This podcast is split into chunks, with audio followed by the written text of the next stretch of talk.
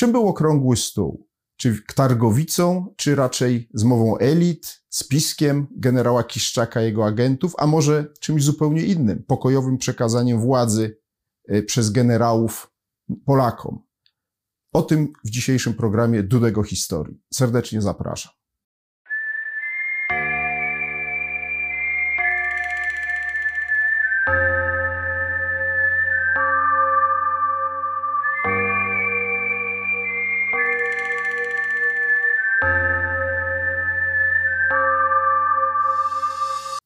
Końcu lat 80.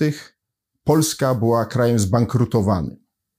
Sytuacja gospodarcza była dramatyczna, a rządzący Polską generał Jaruzelski przeczuwał, że nadciąga kolejna fala niezadowolenia społecznego. On znał tę falę, bo wiedział, e, kilku jego poprzedników padło ich ofiarą, zresztą sam uczestniczył w spiskach i w obaleniu Gomułki i później w pozbyciu się Gierka. Zdawał sobie zatem sprawę w końcu lat 80., że grunt pali mu się pod nogami a władzy generał Jaruzelski nie chciał oddawać.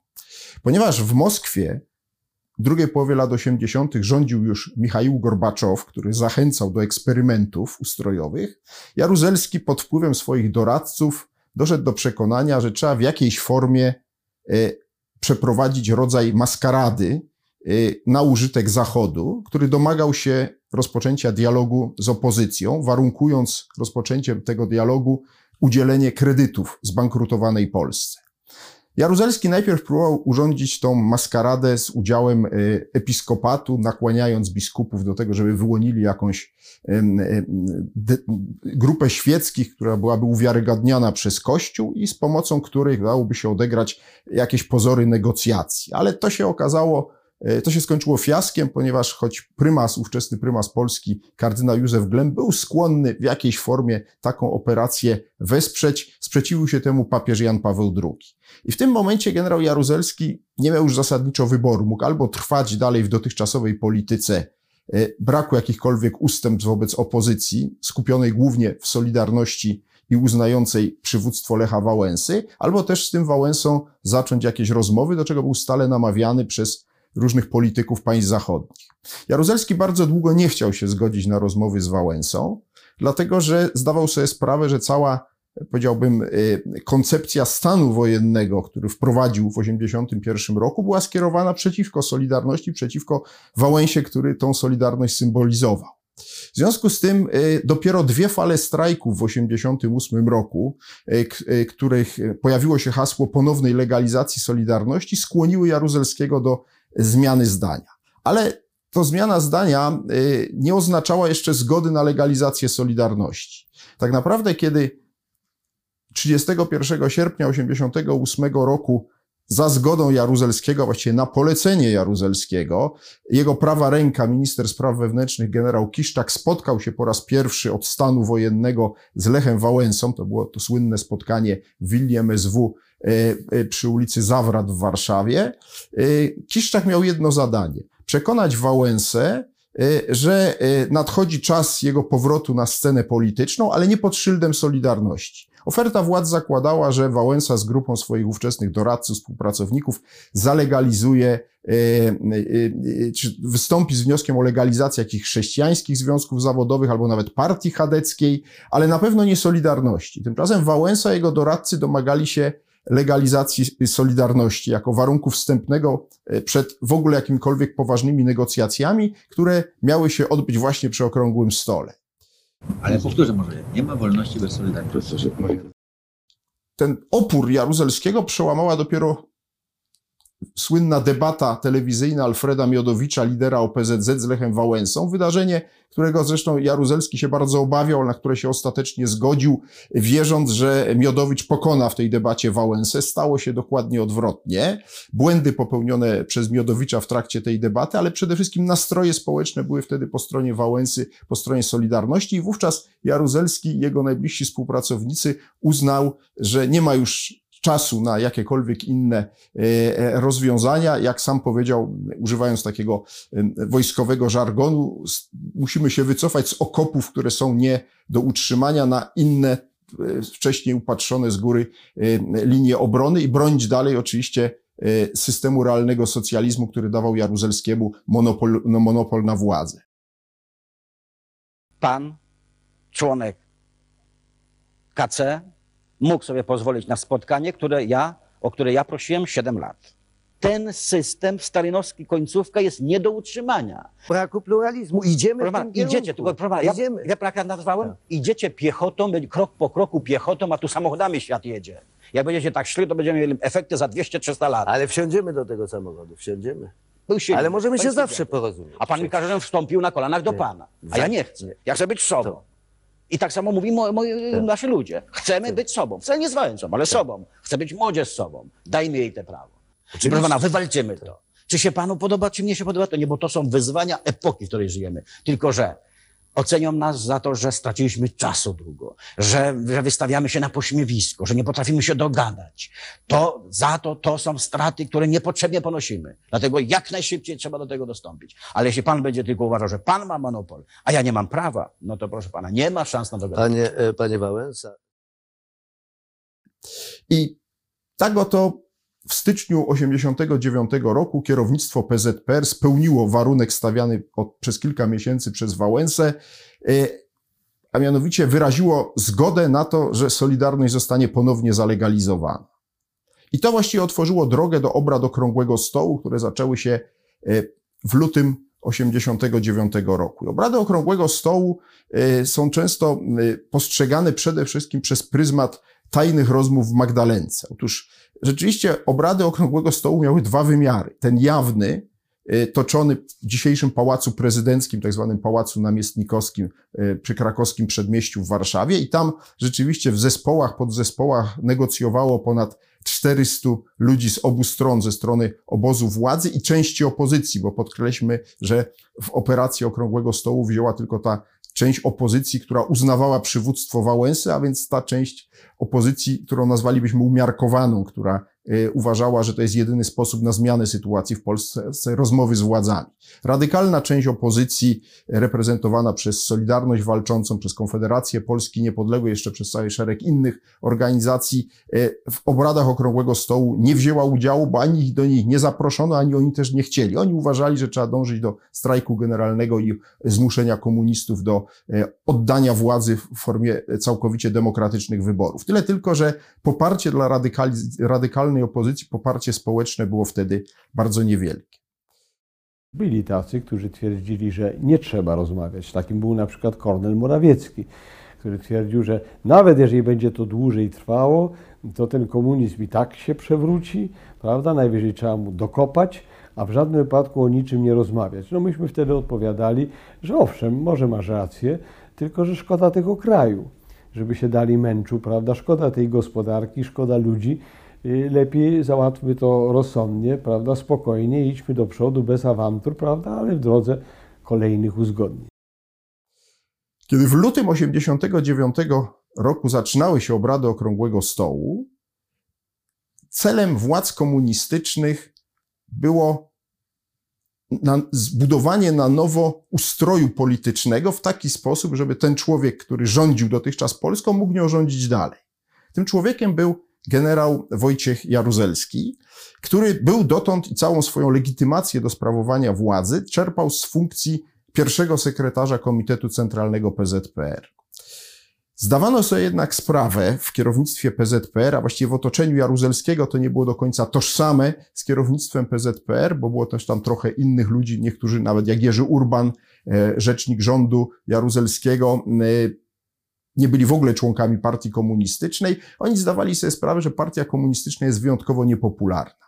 I w związku z tym na zapleczu Jaruzelskiego zrodził się pomysł y, stworzenia nowego centrum władzy, którym miał być urząd prezydenta, którego nie było w Polsce od 1952 roku. Został zlikwidowany po przyjęciu stalinowskiej konstytucji. Zastąpiła go tak zwana kolegialna głowa państwa, czyli Rada Państwa, której przewodniczącym był skądinąd właśnie Jaruzelski.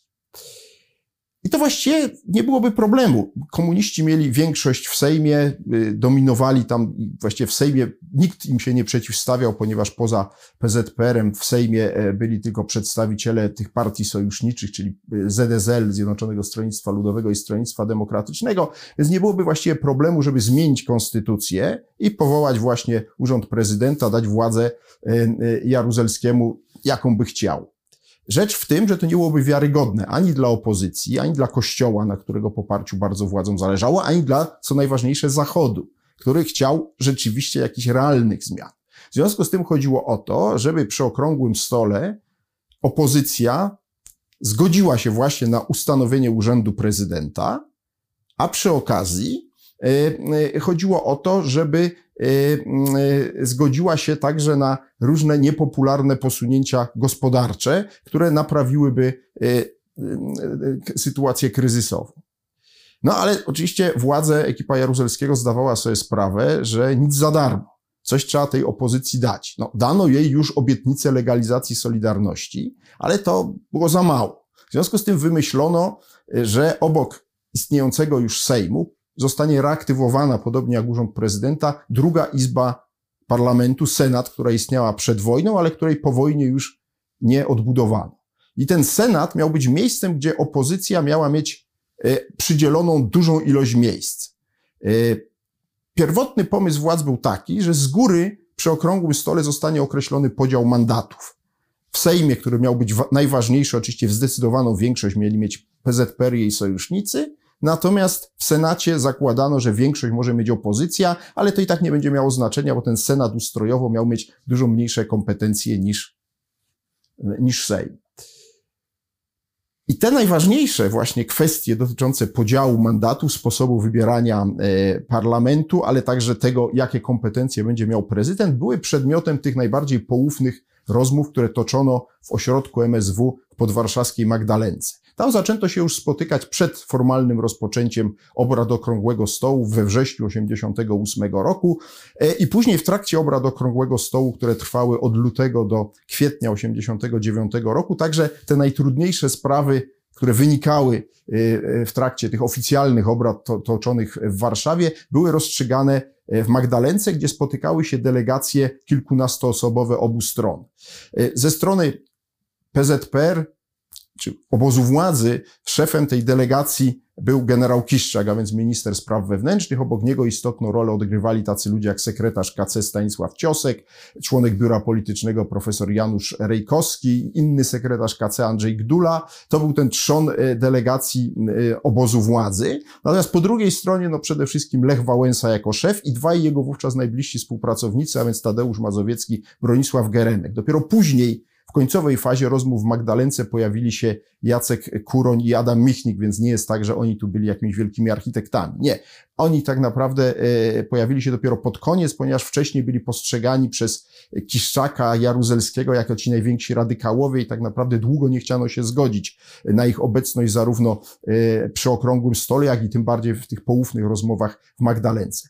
E, obok tego oczywiście w, po stronie Solidarności było też szereg działaczy ważnych jakby dla Solidarności Regionalnej z Krakowa Mieczysław Gil, z Wrocławia Władysław Frasyniuk, no i oczywiście e, reprezentujący w jakimś zakresie region gdański Lech Kaczyński.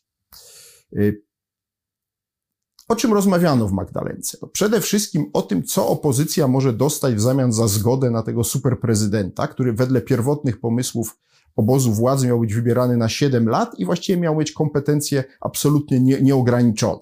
No więc oczywiście y, strona opozycyjna zdawała sobie sprawę, że taki prezydent w istocie rzeczy będzie niczym innym jak nowym, lepszym, zmodernizowanym pierwszym sekretarzem KCPZPR i absolutnie się na to nie chciała zgodzić.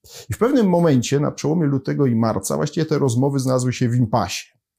I żeby przełamać ten impas, członek delegacji partyjno-rządowej, o którym tu dotąd nie wspomniałem, a który zrobił później oszałamiającą karierę, a mianowicie Aleksander Kwaśniewski, który w tym czasie był e, e, ministrem w rządzie Mieczysława Rakowskiego i był oddelegowany właśnie także do rozmów w Magdalence, wysunął, jak sam twierdzi, samodzielnie, bez konsultacji z kimkolwiek, taką propozycję e, do strony solidarnościowej, że on proponuje, e, żeby wybory do Senatu były całkowicie demokratyczne, żeby z góry nie określać podziału mandatów i czy wtedy, jeśli by strona rządowa się zgodziła na coś takiego, to strona opozycyjna zgodzi się na te szerokie uprawnienia prezydenta.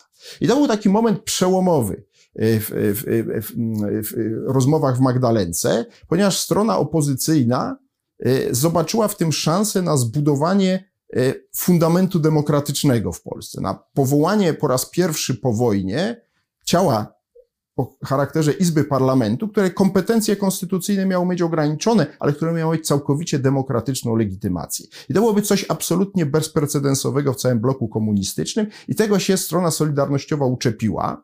Po stronie obozu władzy nastąpiło pewne zamieszanie, ponieważ okazało się, że ta propozycja nie została wcześniej szerzej zaakceptowana. Pojawiły się kontrowersje, czy to nie jest zbyt ryzykowne, ale ostatecznie generał Jaruzelski, który ciągle wierzył, że y, y, nawet w demokratycznych wyborach obóz władzy może całkiem sporo uzyskać, y, zgodził się na to. I w ten oto sposób dopięto tej, w tej najistotniejszej sprawie e, targu, a więc zgodzono się na tego prezydenta o bardzo szerokich uprawnieniach w zamian za całkowicie demokratyczne wybory do Senatu. Rzecz została chyba planowym przeciekiem przez ówczesnego ministra Urbana przekazana do światowej prasy. Kiedy więc biuro polityczne zebrało się we wtorek, miało już dosyć związane ręce. Mianowicie cała prasa światowa trąbiła, że w Polsce będą wolne wybory do Senatu po raz pierwszy w całym obozie i pod iluś tam kilkudziesięciu lat coś takiego się zdarzy. I do tego już doszła znacznie prostsza do ustalenia e, e, reguła dotycząca podziału mandatów w Sejmie. Otóż przyjęto, że PZPR i jej sojusznicy w tym Sejmie, który miał być wybrany wkrótce po e, obradach Okrągłego Stołu, PZPR i jej sojusznicy będą mieli 65% mandatów. Natomiast, wbrew temu, co się często mówi, nie oznaczało to, że te 35% pozostałych mandatów zostało zagwarantowane dla opozycji. Nie. O te 35% miała się toczyć swobodna gra między tymi, y, którzy, y, między tymi, y, między tymi, którzy byli po prostu bezpartyjni. W Polsce wówczas istniały trzy legalne partie polityczne, PZPR i te dwa stronnictwa sojusznicze, ZSL i SD, ale było bardzo wielu ludzi w Polsce, którzy byli gorącymi zwolennikami PRL i władzy komunistycznej, ale nie byli w żadnej z tych partii. To właśnie oni mieli prawo też walczyć o mandaty z tej puli 35% i walczyli. Ich symbolem stał się, oni byli złośliwie przez opozycję nazywani bezpartyjnymi bolszewikami. Ich symbolem był Jerzy Urban który właśnie jeden z najbliższych współpracowników Jaruzelskiego nie był w ogóle, y, y, nie był w ogóle członkiem PZPR i on właśnie później, kilka miesięcy po okrągłym stole, walczył o mandat w okręgu Warszawa-Śródmieście właśnie z tej puli dla bezpartyjnych. Oczywiście tego mandatu nie zdobył, ale kiedy y, dopinano tego targu w Magdalence, nikt oczywiście nie zakładał, że wyniki wyborów czerwcowych będą miały tak katastrofalny charakter, jak to, jak to miało miejsce 4 czerwca. I teraz z naszego punktu widzenia dopuszczalny jest sojusz z władzą na takim oto gruncie, że zostanie uruchomiony proces tworzenia instytucji demokratycznych. Taki proces, w którym będzie mógł wziąć udział każdy obywatel. Dotyczy to więc stowarzyszeń, samorządów lokalnych, wszelkiego typu samorządów. Dotyczy to prawa, które to umożliwia i niezawisłych sądów. Dotyczy to uspołecznienia środków masowego przekazu. I w ramach tego wydaje nam się, kiedy ten, jeśli ten proces ma być uruchomiony i będzie uruchomiony, możliwy jest taki kontrakt wyborczy, który zabezpieczy większość koalicji rządzącej. To się nazywa niekonfrontacyjne wybory. Ale w ramach takiego kontraktu, w którym oczywiście jest miejsce na tożsamość i podmiotowość opozycji, więc tak Solidarności, jak innego rodzaju ugrupowań. Zatem istota e, kontraktu okrągłego stołu to właśnie e, zaakceptowanie przez opozycję, tą część opozycji, która była e, przy okrągłym stole i Kościół, który, którego przedstawiciele odgrywali tam rolę mediatora i rodzaj notariusza. Oni formalnie byli obserwatorami obrad, ale w tych najtrudniejszych momentach tacy ludzie jak zwłaszcza ksiądza, później e, biskup Alojzy Orszulik odgrywali rolę mediatorów, pośredników. Pojawił się tam też arcybiskup Tadeusz Gocłowski. E, mówię tutaj oczywiście o rozmowach w Magdalence. Obecność przedstawicieli Kościoła ma charakter szczególny. Wsłuchiwaliśmy się z uwagą jako synowie tej ziemi, a równocześnie jako przedstawiciele Kościoła, który od tysiące lat towarzyszy temu narodowi. Wydaje się, że dzisiejsza praca, zatroskanie o, o sprawę, nawet wypowiedzi pełne niepokoju nie były wypowiedziami na nie, a były wypowiedziami na tak dla najlepszych rozwiązań. Życzę Wam, drodzy Panowie, żeby autentyczne zatroskanie o Polskę i sprawy, a równocześnie realizm, który musicie dostrzegać. Najgorzej, jakbyście trochę teoretyczny, teoretycznymi kierowali się założeniami, a nie uwzględniali autentycznego realizmu, który towarzyszy współczesnej Polsce. Żebyście umieli znaleźć najlepsze rozwiązania, które będą najkorzystniejsze dla naszej ojczyzny. Dziękuję bardzo. Zresztą skąd my w ogóle wiemy, warto o tym powiedzieć, o tym, co się działo e, w Magdalence. E, Otóż znamy e, zapisy tych rozmów z dwóch podstawowych źródeł. To nie są stenogramy oczywiście, natomiast bardzo szczegółowe zapiski z jednej strony prowadził właśnie wspomniany ksiądz Alojzy Oloszulik, a z drugiej strony sekretarz Kiszczaka major Krzysztof Dubiński.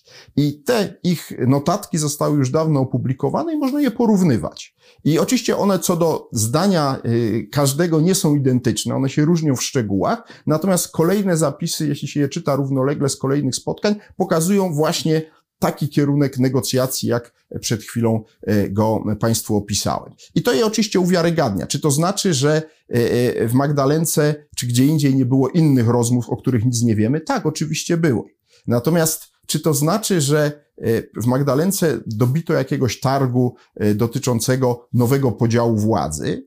Tu oczywiście bardzo często podnoszona jest sprawa przeszłości agenturalnej Lecha Wałęsa, a także niektórych innych ludzi, którzy byli obecni w Magdalence, czy szerzej przy okrągłym stole, którzy rzeczywiście w przeszłości w różnym okresie mieli etap współpracy z komunistycznymi służbami specjalnymi. Ale czy to znaczy, że oni w 1989 roku byli czynnymi agentami służb specjalnych? Nie, na to dowodów nie ma. Poza zupełnie marginalnymi postaciami, tak naprawdę władze czerpały wiedzę o tym, co się dzieje po stronie opozycyjnej, głównie przy pomocy inwigilacji o charakterze podsłuchów. To, to, to było na dużą skalę stosowane, zresztą od czego strona opozycyjna sobie w dużym stopniu zdawała sprawę i na różne sposoby próbowała temu przeciwdziałać.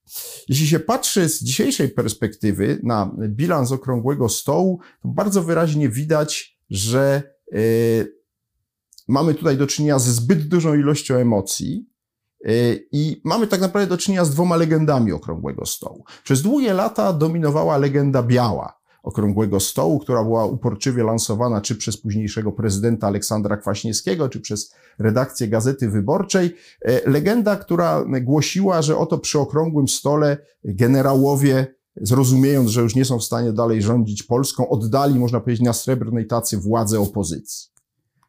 Z kolei czarna legenda, upowszechniana zwłaszcza w środowiskach radykalnej prawicy, powiada, że to Kiszczak zaprosił tam swoich agentów i różnych pożytecznych idiotów, no i właśnie w zamian za gwarancję bezpieczeństwa, różnego rodzaju przywileje, zagwarantował sobie spokojną starość, on i przywileje dla, dla ludzi z komunistycznej nomenklatury. Ale proszę zwrócić uwagę, że obie te legendy mają wspólny mianownik, a mianowicie zakładają pojęcie przekazania władzy.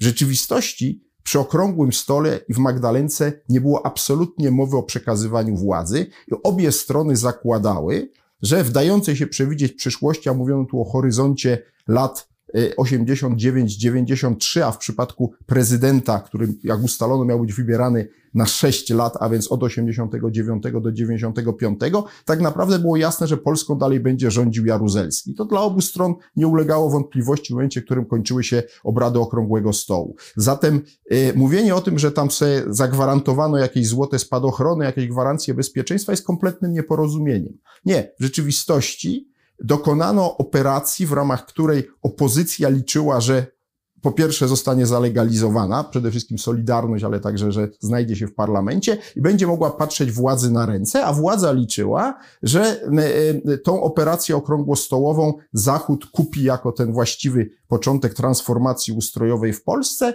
i w konsekwencji tego, e, w konsekwencji tego uda się E, uda się mm, e, uzyskać te kredyty, na których e, władzom bardzo zależało. Kredyty wszystkim amerykańskie, zachodnio-niemieckie, francuskie, brytyjskie, bo polska gospodarka była w stanie dramatycznym. W obu tych legendach jest oczywiście ziarno prawdy. Natomiast jako całość są kompletnie fałszywe, bo przekazywania władzy nie było. Co zatem się działo? Otóż po pierwsze chodziło o zbudowanie tego nowego centrum władzy wokół generała Jaruzelskiego, co jak wiemy się nie udało. Kolejne wydarzenia przekreśliły, choć Jaruzelski został prezydentem, to tak naprawdę jego rola polityczna po e, lipcu 89 roku, kiedy to nastąpiło, kurczyła się z każdym miesiącem, e, zwłaszcza od momentu, kiedy rząd Mazowieckiego zaczął coraz odważniej podejmować różne decyzje, a to nastąpiło w roku 90. I powtórę, e, w moim przekonaniu, okrągły stół miał to, ten wymiar y, szalenie istotny, który ma charakter ekonomiczny. On jest często gdzieś w cieniu y, y, uważany za nieistotny, a który miał tak naprawdę ogromne znaczenie dla sytuacji gospodarczej w roku 89.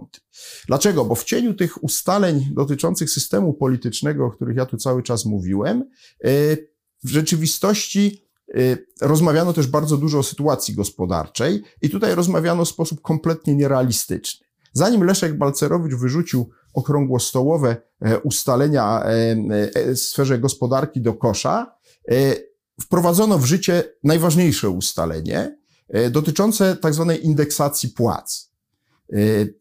Polegało to na tym, że ponieważ była już spora inflacja, strona solidarnościowa, ale także związkowcy z OPZZ-u, czyli Ogólnopolskiego Porozumienia Związków Zawodowych, którzy też byli przy okrągłym stole, ich przedstawiciele także byli w Magdalence, cały czas podnosili, że trzeba ludziom rekompensować wzrost cen automatycznym wzrostem płac. I mechanizm indeksacji polegał w ten oto, działał w ten oto sposób, że jeżeli ceny w miesiącu maju wzrosło określoną ilość, to o tyle też miały nastąpić podwyżki płac w czerwcu, żeby zrekompensować te majowe podwyżki cen. To w istocie rzeczy uruchomiło mechanizm nakręcania inflacji i sprawiło, że ta inflacja w roku 89 zamieniła się w hiperinflację i w skali całego roku 89 przekroczyła 600%.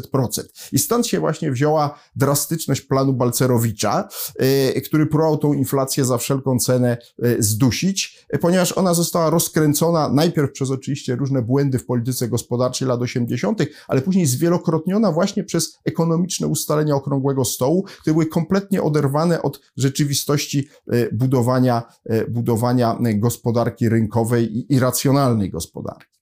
Więc ten wymiar okrągłego stołu jest też często pomijany i zapominany, a warto o nim pamiętać. No ale Powiedziałem o legendach, że okrągły stół to tak naprawdę ma tą czarną legendę, białą legendę, ale wiemy doskonale, że każdej legendzie jest ziarno prawdy.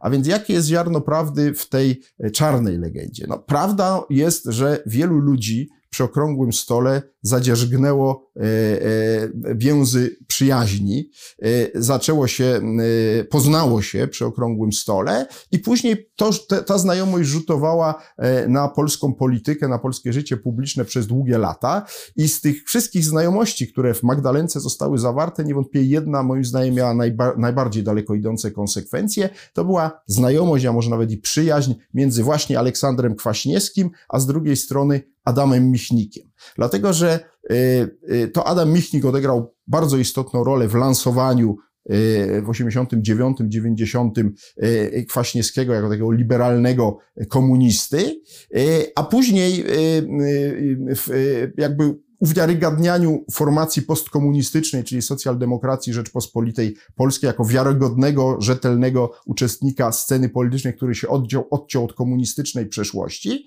I można powiedzieć, że ten alians trwał całe lata 90. i w tym sensie rzeczywiście to, co się wydarzyło w, przy okrągłym stole, czy konkretnie w Magdalence, rzutowało na rzeczywistość polityczną Polski lat 90., a niekiedy także i lat późniejszych. Ale czy to znaczy rzeczywiście, że to przy okrągłym stole zdecydowano o tym, że w Polsce nie było dekomunizacji, że lustracja się wydarzyła wiele lat później? Nie. Tak naprawdę okrągły stół jest oskarżany o różne błędy, zaniechania późniejszych rządów, rządów Mazowieckiego, e, Bieleckiego, także Olszewskiego, Suchockiej, no a w 1993 roku Polacy wybrali w demokratycznych wyborach obóz postkomunistyczny po raz kolejny do władzy, a zatem zadecydowali o tym, że tak naprawdę ludzie, którzy przy okrągłym stole e, e, reprezentowali obóz władzy, znowu do niej wrócili. Oczywiście już nie generał Jaruzelski, nie generał Kiszczak, ale Aleksander Kwaśniewski e, czy, czy Leszek Miller. Ci ludzie wrócili do władzy zgodnie z wolą Polaków zaledwie cztery, nieco ponad cztery lata po obradach okrągłego stołu. I o tym zawsze trzeba pamiętać, kiedy się o mm, okrągłym stole jako o spisku elit. No właśnie, czy był to spisek elit? No w jakimś sensie tak.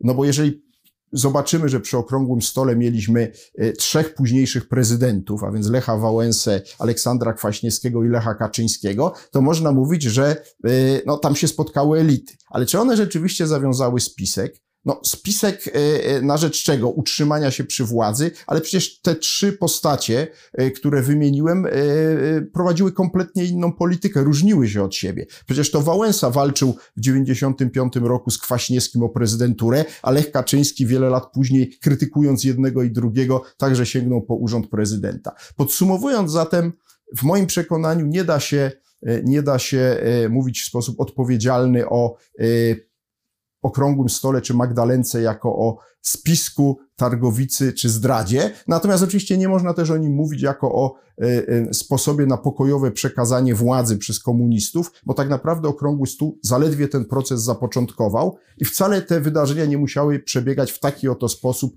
jak to y, nastąpiło, gdyby nie wynik wyborów czerwcowych 89 roku. Generał Jaruzelski hipotetycznie, gdyby nie zmiany wokół Polski jesień ludów, generał Jaruzelski mógłby rządzić Polską do roku 95 co najmniej, a być może nawet dłużej, dlatego że y, przyjęte przy okrągłym stole ustalenia dotyczące urzędu prezydenta przewidywali, że może być ta sama osoba wybrana na dwie sześcioletnie kadencje, a zatem być może nawet przy jakimś najbardziej optymistycznym scenariuszu Jaruzelski mógłby rządzić Polską do 2001 roku, co jak wiemy y, nie miało miejsca.